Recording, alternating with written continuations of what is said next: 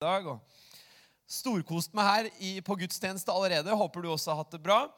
Eh, hvem er jeg? Jo, eh, det kan du jo spørre om. Jeg kommer egentlig fra Drammen, men eh, bor i Oslo. Eh, har vært pastor i mange mange år innser når jeg ser tilbake Jeg begynte å tale i menigheter og sånt når jeg var 15 år. Så til tross for at jeg nå da er bare, eller blitt 39 år, så har jeg da eh, holdt på med det her i ca. 24 år. Så det er jo egentlig ganske spesielt når jeg, når jeg tenker på det. Og så har jeg en hjertesak, og det er å prøve å gjøre det så enkelt som mulig for mennesker å forstå hvem Gud er. Eh, så det er det jeg håper at jeg kan få lov å bidra med her i dag. Og jeg kommer til å gi en liten sånn bibeltime, så jeg håper du er klar for å høre litt fra Guds ord. Og forhåpentligvis bli oppmuntra og gå herfra og tenke at eh, Gud han har snakka til deg, oppmuntra deg der du er i livet. Høres det ut som en god plan? Så bra. Vi eh, skal lese noen bibeltekster, og så skal vi be en bønn. Og så skal vi prøve å si noe fornuftig ut fra det. Det pleier å være min oppskrift på en preken, så jeg håper du er med meg på det. Og før vi leser eh, dagens tekster, så har jeg lyst til å gi deg litt kontekst. Vi skal lese fra Salme 51, og før vi ser det på skjerm, så kan jeg jo si at uh, for veldig mange av dere så er David kjent. David er jo kong David, som i Bibelen ikke bare er konge, men han er også en som skriver veldig mange av tekstene. Og du vil oppdage at uh, han har skrevet bl.a. halvparten av salmene som vi kan lese om i salmene. Og når du leser salmene, så oppdager du at David han er en sann kreativ sjel. Eh, og kreative sjeler de er ofte i god kontakt med følelsesregisteret sitt. Så hvis du vil ha ærlig historie om tro, så kan du lese salmene. For David han skriver om når han er på høydene, om hvor stor Gud er, om hvor fantastisk livet er. Men han skriver også ærlig om når livet er krevende, og når han syns livet er tøft. Og den salmen som vi skal lese fra i dag, salme 51, den skriver David på et low point i livet. På, på, et tøft sted i livet. Det som har skjedd, er jo kjent hvis du leser litt bibelhistorie, men det er også kjent hvis du har hørt på litt Leonard Cohen. Come on, somebody. Eh, og har hørt på sangen 'Hallelujah', så vet du at eh, der forteller Leonard Cohen det som Bibelen forteller. At David han, han var en mann etter Guds hjerte. Han gjorde mange fantastiske ting. Men han eh, gjorde også noen utrolige blemmer. Og kanskje en av de største blemmene han noensinne gjorde, det var at han eh, la øynene sine på en dame som het Batseba. Og eh, det var nabokona, og han så henne, og det er rett og slett sånn at han eh, ble, han ble rett og slett interessert i henne. Han var utspekulert, så han plasserte som konge så plasserte han mannen til Batseba, Uria, fremst i krigen. Og Derfor har vi uttrykket Urias post osv. Og, og Uria dør, og David han er utro med Batseba og gjør henne med barn til og med. Og han tenker nok der og da, etter at dette har skjedd, at dette kommer ingen til å få vite om. Men eh, det som er, er at eh, Gud, han vet, og han sender en mann som heter Natan, til David, en profet. Og Nathan forteller om en mann som har vært utro, og David later som jeg skjønner ikke hvem det er, mens Nathan konfronterer han og sier jo, men det er jo deg. Og Det er akkurat som at lyset går opp for David om hva han egentlig har gjort. Og det er da han skriver Salme 51. Og i vers eh, 9 så står det en slags bønn til Gud, der David roper ut og sier, Ta bort min synd med isop, så jeg blir ren. Vask meg, så jeg blir hvitere enn sne. I vers 12 så står det Gud, skap i meg et rent hjerte, og gi meg en stødig ånd. Jeg syns det her er en eh, sterk bønn, og derfor har jeg studert den i litt ulike bibeloversettelser. Og En av bibeloversettelsene som virkelig traff meg, det var eh, The Message-oversettelsen. En engelsk parafraseoversettelse og der sier den samme teksten en bønn der David sier Soak me in your laundry, and I'll come out clean. Scrub me, and I'll have a snow white life. Tune me into foot-tapping songs and set these once broken bones to dancing. Don't look too close for my blemishes, but give me a clean bill of health. Og så kommer nøkkelsetningen jeg har lyst til å dele med deg i dag. God, make a fresh start in me shape a Genesis week from the chaos of my life. God, make a fresh start in me. Gud, gi meg en ny start. Shape a Genesis week from the chaos of my life. Jeg skal komme mer tilbake til det. Og Før vi ber, så har jeg lyst til å si at det er jo ikke den eneste gangen i Bibelen som det står om nye begynnelser. Det er ikke den eneste gangen der det står om noen som kjenner at de trenger en ny start. Nei, heldigvis så er nye begynnelser et gjennomgående tema i Guds ord. Og en av de andre tekstene som er veldig kjent der, det er 2. Korinterbrev 5 og vers 17. Derfor, der skriver Paulus til korinterne at derfor om noen er i Kristus, da er han en ny skapning. Det gamle er forbi. Se, alt er blitt nytt. I den samme message-oversettelsen så står det Now we look inside, and what we see is that anyone united with the Messiah gets a fresh start. Si fresh start. Ja, det er bra. Gets a fresh start. Is created new. The old life is gone. A new life burgeons. Takk, Jesus, for denne muligheten til å si noe ut fra ditt ord til Porsgrunn misjonskirke denne søndag formiddagen. Jeg har ikke kommet hit for å tale bare for å tale, men jeg ber om at det kan få bli noen nye begynnelser her i dag. Du kjenner hver eneste enkelt en her inne. Jeg kjenner ikke så mange, men du veit hva hver eneste en står i, hva de trenger. Og jeg ber om jeg kan få lov å være med å oppmuntre dem ut fra ditt ord og hjelpe dem å se hva du ser når du ser på deres liv. Og hvis du syns det var en OK bønn, så kan du godt si oh yeah. Ja, det er bra. Jeg bare prøver å holde deg våken på morgenen. Går det greit? Det er bra. Du, jeg vet at det er mange småbarnsforeldre her i dag, og derfor så kan jeg si at eh, da er det sikkert gjenkjennbart for deg at en stor del av småbarnsforeldrelivet, det er rydding. Kan vi snakke sammen? En hånd i været hvis du er eh, med meg på det. Og eh, det som egentlig er ganske bra, det er det at jeg er egentlig ganske god til å rydde. Ikke for å skryte, eller jo, kanskje litt for å skryte, så er jeg egentlig ganske god til å rydde. Hvis du trenger noen til å vaske huset ditt, så ikke ring meg. Jeg er ganske dårlig på det. Men hvis du trenger noen til å rydde huset ditt, da er jeg fyren å ringe. Jeg elsker å rydde. Jeg syns det er liksom eh, en god følelse. Og jeg er litt sånn da, at hvis jeg først skal ha en ordentlig god, avslappa kveld, så må jeg ha fått rydda litt. Sånn at det er liksom noenlunde tidy før jeg kan sette meg ned. Er det noen som kan kjenne seg igjen i dette? Ja, ikke sant? Ja. Og da er det jo svært utfordrende dere, å være småbarnsfar. Fordi at du kan gjøre det helt perfekt, og så går det bare et lite øyeblikk, og så er det like kaos igjen. Det var en spesiell uke som jeg tenker på, der jeg eh, hadde sendt kona mi ut altså tre kvelder på rad. Dere. Jeg bare nevner det. For at hun skulle få være med venninner, ha en fantastisk eh, kveld. Og gang etter gang så ordner jeg vet du, med ungene og fikser. Ikke for å fremheve meg selv på noe Jo, forresten litt for å gjøre det, da.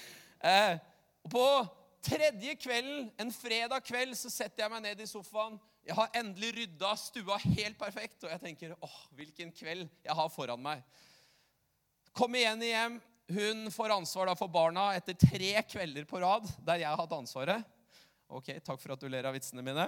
Eh, og Tenker, nå tenker hun nå kan David få sove ut litt. Og hvor mange eh, småbarnsforeldre vet at hvis du gir barna dine da halvannen time på morgenen mens du sover litt ut, fra du har hatt et strøkent hus når du gikk og la deg, så veit du at når du kommer ned, så er det totalt kaos igjen. Kan vi snakke sammen? Er det noen som kan relatere til dette? Det kommer jo til det punktet der du tenker som småbarnsforelder at er det egentlig noe poeng at jeg rydder? Fordi det kommer jo uansett til å bli kaos igjen. Er det noen som har kjent på følelsen? Ikke sant? Det er bra. Jeg ser din hånd. jeg ser din hånd. Det er bra. Gud velsigne deg. Det er eh, en følelse av fortvilelse, og du tenker at vet du hva, er det egentlig noe poeng? Jeg vet jo at det tar bare en liten stund, så er det like kaotisk igjen. Og Uten sammenligning for øvrig så kan jeg tenke meg at Gud han kan kjenne på noe av det samme i forhold til oss mennesker noen ganger. Det skjer kanskje noe i livet, noe som kanskje var bra, men som vi med vår menneskelighet, ved vår jordiskhet, evner å skape kaos ut av, lage rot ut av. Vi ber til Gud, Jesus, gi meg en ny start. Grip inn i denne situasjonen. Gi meg en ny begynnelse. Gud han elsker oss, han strekker ut sin hånd. Han eh, gjør det, han gjør noe nytt, han skaper noe nytt. Han rydder opp i mitt jordiske kaos. Men det som er utfordringa, det er det at Gud veit at det tar jammen ikke lang tid etter at jeg har rydda opp i Davids mess, til han på nytt trenger meg igjen. Jeg tror det er derfor et nydelig budskap til oss alle at jeg tror på en Gud som er ekspert på nye begynnelser. Takk Gud for en Gud som sier at everyone who is united with the Messiah gets a fresh start. Is created new. Jeg vet ikke med deg, men jeg trenger det igjen og igjen. Jeg trenger ikke bare den første gangen jeg tar imot Jesus og får tilgivelse for mine synder og lar han få lov å vaske meg hvit som snø. og Han tok på seg alle mine feil alle mine mangler på korset. Ikke bare den første gangen jeg tar det imot, men igjen og igjen så trenger jeg å komme til Gud og si som David Give me a fresh start. Gi meg en ny begynnelse. Og Jeg vet ikke hva du står i, jeg vet ikke hva som kanskje har gått i stykker i ditt liv i det siste. Jeg vet ikke om det er tøffe tider, en tøff sesong i det ekteskapet du er i, eller om det er en vane du egentlig hadde tenkt at du skulle bryte, men som du stadig havner igjen og igjen i samme dike. Jeg vet ikke om det er en tenåring i familien din som du føler at du skulle gjort en bedre jobb med, og nå føles det som et mess. Jeg veit ikke hva du trenger å rope til Gud om. Jeg vet ikke hva du trenger å si. Gud, gi meg en ny start. Gud, han som skapte jorda på syv dager, han som skapte noe nytt fra ingenting, han kan på samme måte skape noe nytt i ditt liv. Vi leste i denne message-teksten som vi leste innledningsvis, at, eh, at det sto shape a Genesis week from the chaos of my life. Og det var det, den ordlyden som jeg beit meg merke i. Genesis, hva betyr det? Jo, det betyr en ny begynnelse. Så David i denne parafraseutgaven, ordene sier, 'Gud, skap i meg en ny begynnelse'. Genesis, hvis du leser engelsk bibel, så er skapelsesberetningen, begynnelsen, det er den boka som heter Genesis. Og vet du hva jeg oppdaga når jeg studerte dette her? Jeg oppdaga at det var mange likhetstrekk mellom måten Gud skapte jorda på syv dager, og på hvordan han gjør nye begynnelser i mitt liv. Så nå sa jeg Er du klar for litt bibelundervisning?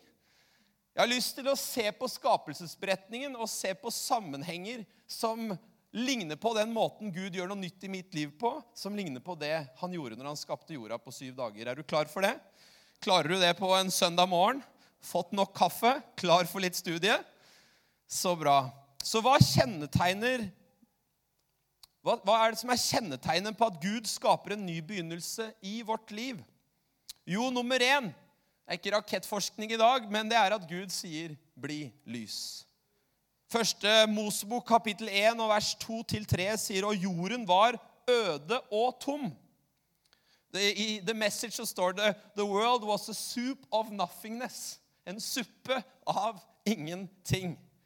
Og Guds ånd svevde over vannene, og Gud sa, 'Bli lys.' Og det ble lys. Starten på en ny begynnelse det er et møte med Guds lys. Og Jeg lovte å være litt dyp med deg.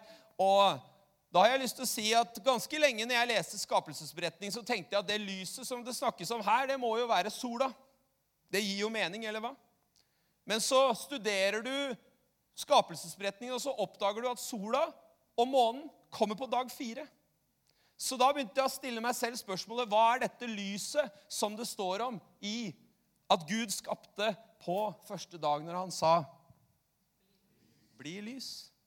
Jeg vil ikke påstå å ha konklusjonen. Jeg tror det er dyktigere teologer enn meg, men på grunnteksten av ordet 'lys' her et gresk ord som heter fos. P-h-o-s. Og ordet fos, det er glory, eller herlighet. Med andre ord, det første Gud talte inn i jordas ingenting, inn i jordas mørke, det var sin herlighet, sitt lys. Begynnelsene, de nye begynnelsene i vårt liv, det starter med et møte med Han som er verdens lys. Når jeg møter Jesus, når jeg fokuserer på Han, når jeg åpner Guds ord og starter dagen min med å la Hans lys skinne inn i mitt liv, så blir det noe som får meg til å se Wow! I møte med Guds herlighet og storhet så trenger jeg en ny begynnelse. Jeg syns det er nydelig å lese ut ifra historiene om kong David at når Natan konfronterte han med hans feil, så gjorde det ikke at han løp vekk fra Gud. Nei, i stedet løp David til Gud og ropte, 'Gi meg en ny begynnelse.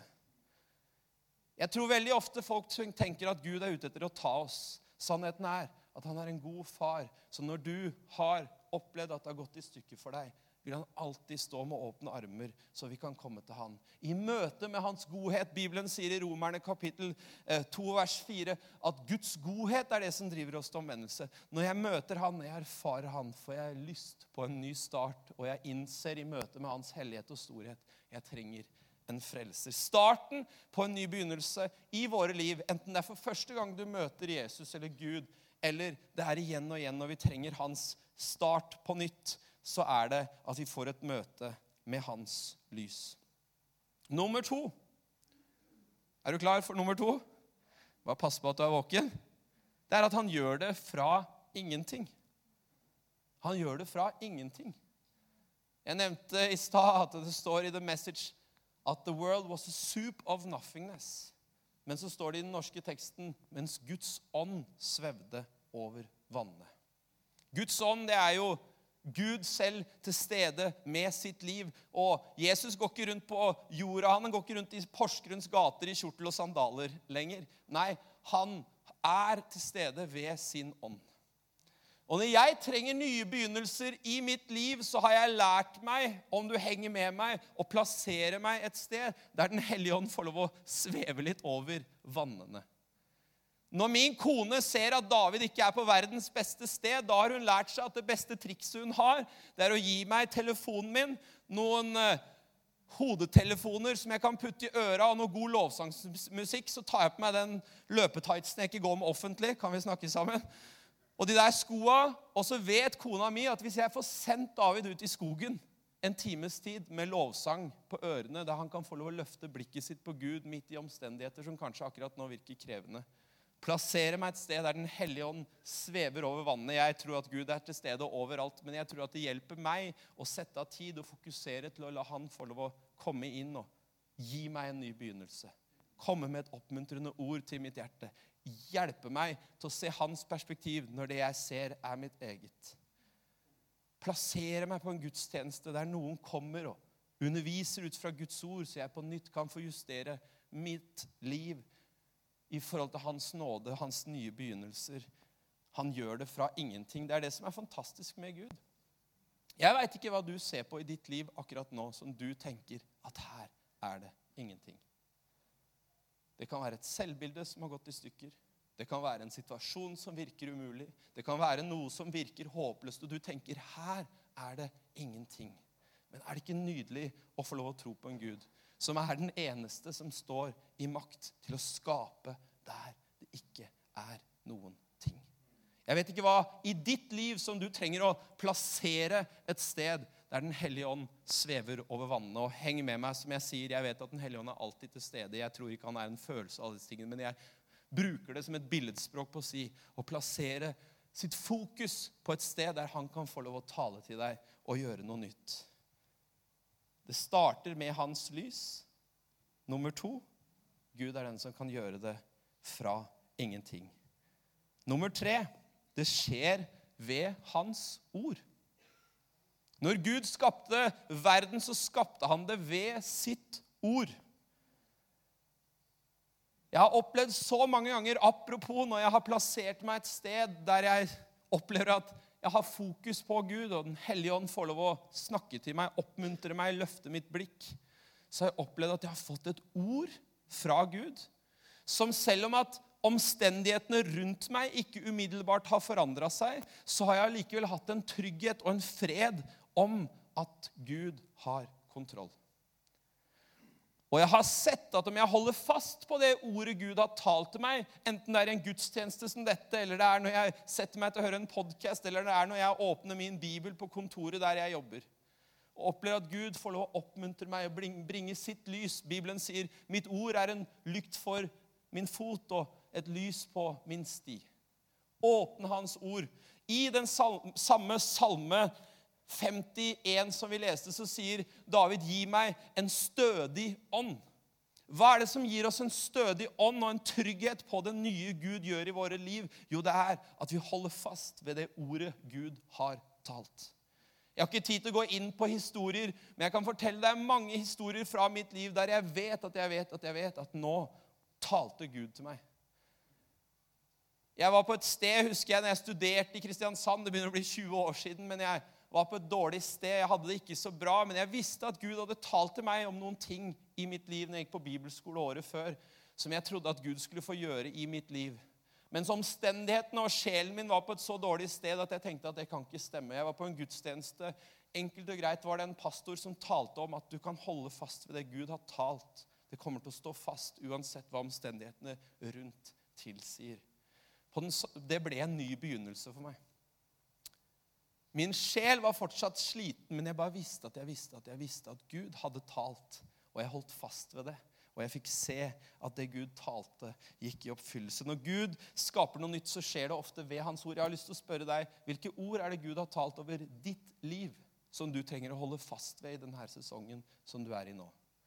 Hva er det Gud har oppmuntra Misjonskirken i Porsgrunn med av tanker og drømmer som han har lagt ned i dere, som dere ikke bare tror er gode ideer, men som Gud har talt om, om hva dere skal få lov å bety. Hold fast ved det, så da kan man ha en stødig ånd og se at det nye Gud gjør, får stødig grunn å stå på. Er du med på det? Klarer du et par til? Går greit? Ingen tør å si noe annet. Punkt nummer fire. Gud, han skaper nytt liv. På dag nummer tre så kom plantene og vekstene. I det nye livet med Gud så skaper han noe nytt. Men det fine med Gud er at han sier ikke bare at han ønsker å gi deg en ny start, men han ønsker å bevare deg i det nye han gjør i ditt liv. Hva menes med det? Jo, jeg pleier å bruke det kristne bildet på en rettssak som vi ofte bruker for å forklare evangeliet. Er du, eh, heng med meg. I den kristne troen så sammenligner vi ofte evangeliet med en rettssak der vi sier at Gud han sitter på dommerstolen og skal avgjøre om vi kan ha en relasjon med han eller ikke. Vi sitter på tiltalebenken, og dessverre er en anklager som heter Djevelen eller Hornulf eller Satan fra Bølebeiten, som vi kaller den i Drammen. Bare fortsatt prøve å holde deg litt våken. Og han har dessverre mer enn nok å ta tak i som gjør at jeg er diskvalifisert fra en relasjon med Gud. Det fins en rekke med ting. Uansett hvor, fri, eh, hvor, eh, hvor eh, liksom, fin, og, fin fasade jeg klarer å holde opp, så er det ikke noe problem for anklageren å finne noe å ta meg på. De gode nyhetene i denne klassiske bildet det er jo at vi ikke bare har en anklager, men vi har en forsvarer. Han heter Jesus Kristus. Han sier at 'jeg ser den lista du har på David, men for 2000 år siden på et kors så tok jeg på meg de feilene og manglene.' Så han er frikjent. Det er betalt for. Men i en rettssak, hvis jeg hadde blitt anklaga for noe alvorlig, så er det ikke bare sånn at jeg får bli frikjent. Nei, jeg har også krav på en oppreisning på utsiden av rettssalen, så jeg kan få starte på nytt i mitt liv. Sånn er det også med Gud. Han ikke bare tilgir deg dine synder og gir deg en ny begynnelse. Nei, han ønsker at du skal få gå i et nytt liv. Derfor, på dag fire, så kommer sola og månen. Hva kan dette være?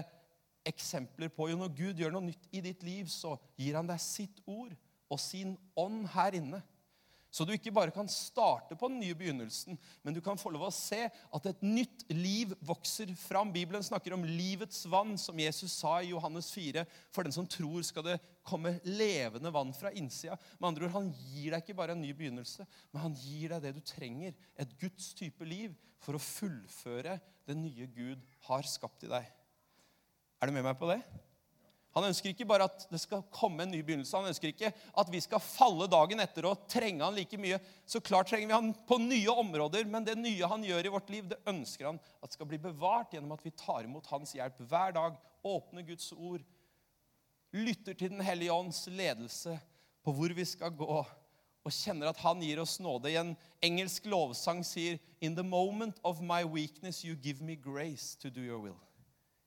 I øyeblikket av min egen svakhet så gir det meg nåde til å gjøre din vilje. Er det ikke nydelig at han ikke bare starter noe nytt i vårt liv, men han ønsker å fullføre det og gi oss det vi trenger? Vi skal begynne å nærme oss, men eh, la meg gå raskt igjennom et par ting til. Gud han vil at den nye begynnelsen også skal få konsekvenser for andre enn oss. I de neste versene i skapelsesberetningen så sier Gud Reproduser dere. Han sier eh, han, han eh, sier 'vær fruktbare og bli mange'. Når Gud gjør noe nytt i våre liv, så vil han at det skal få velsigne vårt liv, men han vil også at det er andre mennesker som skal bli velsigna av det nye Gud gjør. Jeg hadde gleden av å være leder på en bibelskole for mange år siden. og På den bibelskolen gikk det bl.a. en jente som hadde slitt med spiseforstyrrelser i mange mange år av sitt liv. Og takk Gud, gjennom profesjonell hjelp, men også gjennom forbønn og guddommelig hjelp så hadde hun opplevd å bli satt fri fra de tingene. Og når vi snakka om det å la Gud bruke det som har vært en nedtur, kanskje noe vondt i vårt liv, til å bli en velsignelse som kan være med å hjelpe andre, så sa denne jenta at jeg unner ingen å oppleve det jeg gikk igjennom, men når jeg nå først har opplevd det, og Gud har satt meg fri til det, så vil jeg bruke mitt liv for å hjelpe andre mennesker til å bli satt fri fra det samme som jeg opplevde. Når Gud gjør noe nytt i våre liv, så er det alltid fordi han elsker oss. Punktum. Mens på den andre siden av at han gjør en ny begynnelse i vårt liv, så fins det andre mennesker som skal få bli velsigna. En eh, predikant som heter Christine Kane, hun sier Your past can give somebody else a future if you put it into the hands of a redeeming God. Når Gud gjør noe nytt i vårt liv, så gjør han det fordi han elsker oss og vi gir oss en ny begynnelse. Men jeg har lyst til å spørre deg hvem skal få lov å bli velsigna på andre siden av det Gud har fått gjøre i ditt liv? Punkt nummer seks, og nå kan eh, teamet komme og gjøre seg klare. Og alle sa amen. Du fikk, fikk litt å tygge på i dag. Jeg håper det. Når Gud gjør noe nytt i ditt liv, så gjør han det også for at du kan bringe noe nytt inn i det store bildet. Jeg sa vi skulle være litt dype her i hans kirke. Etter at Gud hadde skapt mennesker på sjette dag, så plasserte han dem i Edens hage. Edens hage kan vi si at kan være et bilde på Guds menighet. Han, når han gjør noe nytt i vårt liv, så plasserer han oss inn i et fellesskap som kalles Guds menighet på jorda. Der kan vi få lov å bringe det nye Gud har gjort i vårt liv, inn i et større fellesskap. Alene kan vi gjøre mye for å vise mennesker hvem Gud er. Men når du bringer det nye Gud har gjort i ditt liv, inn i dette fellesskapet, er med å gi av dine ressurser, av din tid, av dine talenter inn i dette fellesskapet, så kan vi sammen vise Gud vise mennesker hvem Gud er. Og kirka får en bredde som vi ikke hadde hatt uten at du var her. Og sist, men ikke minst, en preken om skapelsesberetningen må ha syv punkter. Er du med meg på det? Ikke alle er enig, men eh, jeg tenkte det i hvert fall. Det er at sist, men ikke minst, Gud tar oss til side for å kunne skape noe nytt igjen. Første Mosebok kapittel 2 vers 2-3 så står det på den sjuende dagen fullførte Gud det arbeidet han hadde gjort. Og den sjuende dagen hvilte han fra hele det arbeidet han hadde gjort. Gud velsignet den syvende dagen og helliget den. For den dagen hvilte han fra hele sitt arbeid, det som Gud hadde gjort da han skapte. Gud har gjort noe nytt i mitt liv mange ganger. Den første gangen jeg møtte han, den første gangen jeg tok imot hans nåde, ble det en ny begynnelse. Men hvem er her til å innrømme like jeg fall, kan være den første til å innrømme at det er ikke bare én gang i mitt liv med Gud at jeg har trengt en ny begynnelse. Nei, jeg trenger det egentlig hver eneste dag. Så gjør Gud noe nytt, så taler han kanskje til meg, og så går jeg kanskje på det jeg føler at Gud har vist meg, eller det han har talt til meg om, men så kanskje jeg har sett mye av det gå i oppfyllelse. Og sånn var det i mitt liv på et tidspunkt for noen år siden. Og Det var ikke sånn at jeg egentlig ville slutte den sesongen jeg var i, for det var så mye fint ved den, men så skjedde det ting som gjorde at det ble behov for å gjøre en avslutning der, og jeg kjente Gud, hva vil du nå? Ordet rekreasjon er et ord som jeg har hørt om mange ganger, som jeg ikke har dvela så mye med, men så leste jeg boka til Thomas Sjødin som heter 'Det hender mens du hviler'. Og jeg innså at recreation det er jo mulig at jeg bare er dum som ikke har tenkt på det før, men det er jo å skape på nytt. Og det var akkurat som jeg hørte Gud sa at nå har jeg gjort noe i en sesong av ditt liv. Nå tar jeg deg til side for at du kan hvile og på nytt oppleve at jeg skaper noe nytt i ditt liv. Det er alltid krevende synes jeg, når jeg er i de der sesongene av livet mitt. For jeg liker å være i farta, jeg liker å vite hvor jeg er på vei, jeg liker å ha en plan for hvor jeg er på vei. Men så ser jeg at noen ganger så må Gud dytte meg litt til side for å si, David, kom til side med meg. Jeg har gjort det der nye. Nå trenger jeg å skape noe nytt igjen. Og det er her vi skal slutte i dag. Jeg kjenner ikke salen her. Jeg kjenner litt Tore, ikke så mange andre av dere. Men jeg tror Gud sendte meg til Porsgrunn i dag for å få lov å oppmuntre deg til å tro på en Gud som er en Gud av nye begynnelser. Og Jeg har lyst til å be her mot slutten av gudstjenesten vår. Og be om at du som trenger en ny begynnelse, skal få lov å løfte hjertet ditt til Gud og si som David gjorde i Salme 51.: Skap i meg et rent hjerte. Gi meg en ny begynnelse. Shape a Genesis week from the chaos of my life. Kanskje det er det du trenger i dag. Kanskje det Gud sier er Kom litt til side med meg. Jeg har egentlig lyst til å gjøre noe nytt i ditt liv. Jeg har egentlig lyst til å gjøre noe helt nytt og inspirere dere på noe nytt i denne forsamlinga. Men jeg tenker at vi ofte er så stressa med det vi skal gjøre, og det er veldig bra og det er helt nødvendig at vi gjør det vi gjør, men så tror jeg at det er så viktig at vi setter av tid aleine med Gud. Et sted der han får lov å sveve litt over vannene, får lov å skape i våre omgivelser. Så takk, Jesus, for at du er en Gud av nye begynnelser. Takk at samtidig som jeg har talt til hele forsamlinga her, så har du ved din ånd talt til enkeltpersoner i formiddag. Takk, Jesus, at du kjenner hver eneste person her. Du vet hvilke sted, hvilke områder i deres liv der de trenger en ny begynnelse. Takk, Jesus, at du er den som kan skape fra ingenting. Jesus, du er den som kan komme med lys inn i mørket. Du er den som kan komme med håp inn i håpløshet og gi nye begynnelser. Far i himmelen, jeg ber når vi synger sammen, når vi fokuserer på deg mot slutten av denne gudstjenesten. At vi skal få erfare at du betjener oss, snakker til oss, oppmuntrer oss. Jesu navn skal vi reise oss på føttene våre sammen. Teamet her leder i lovsang.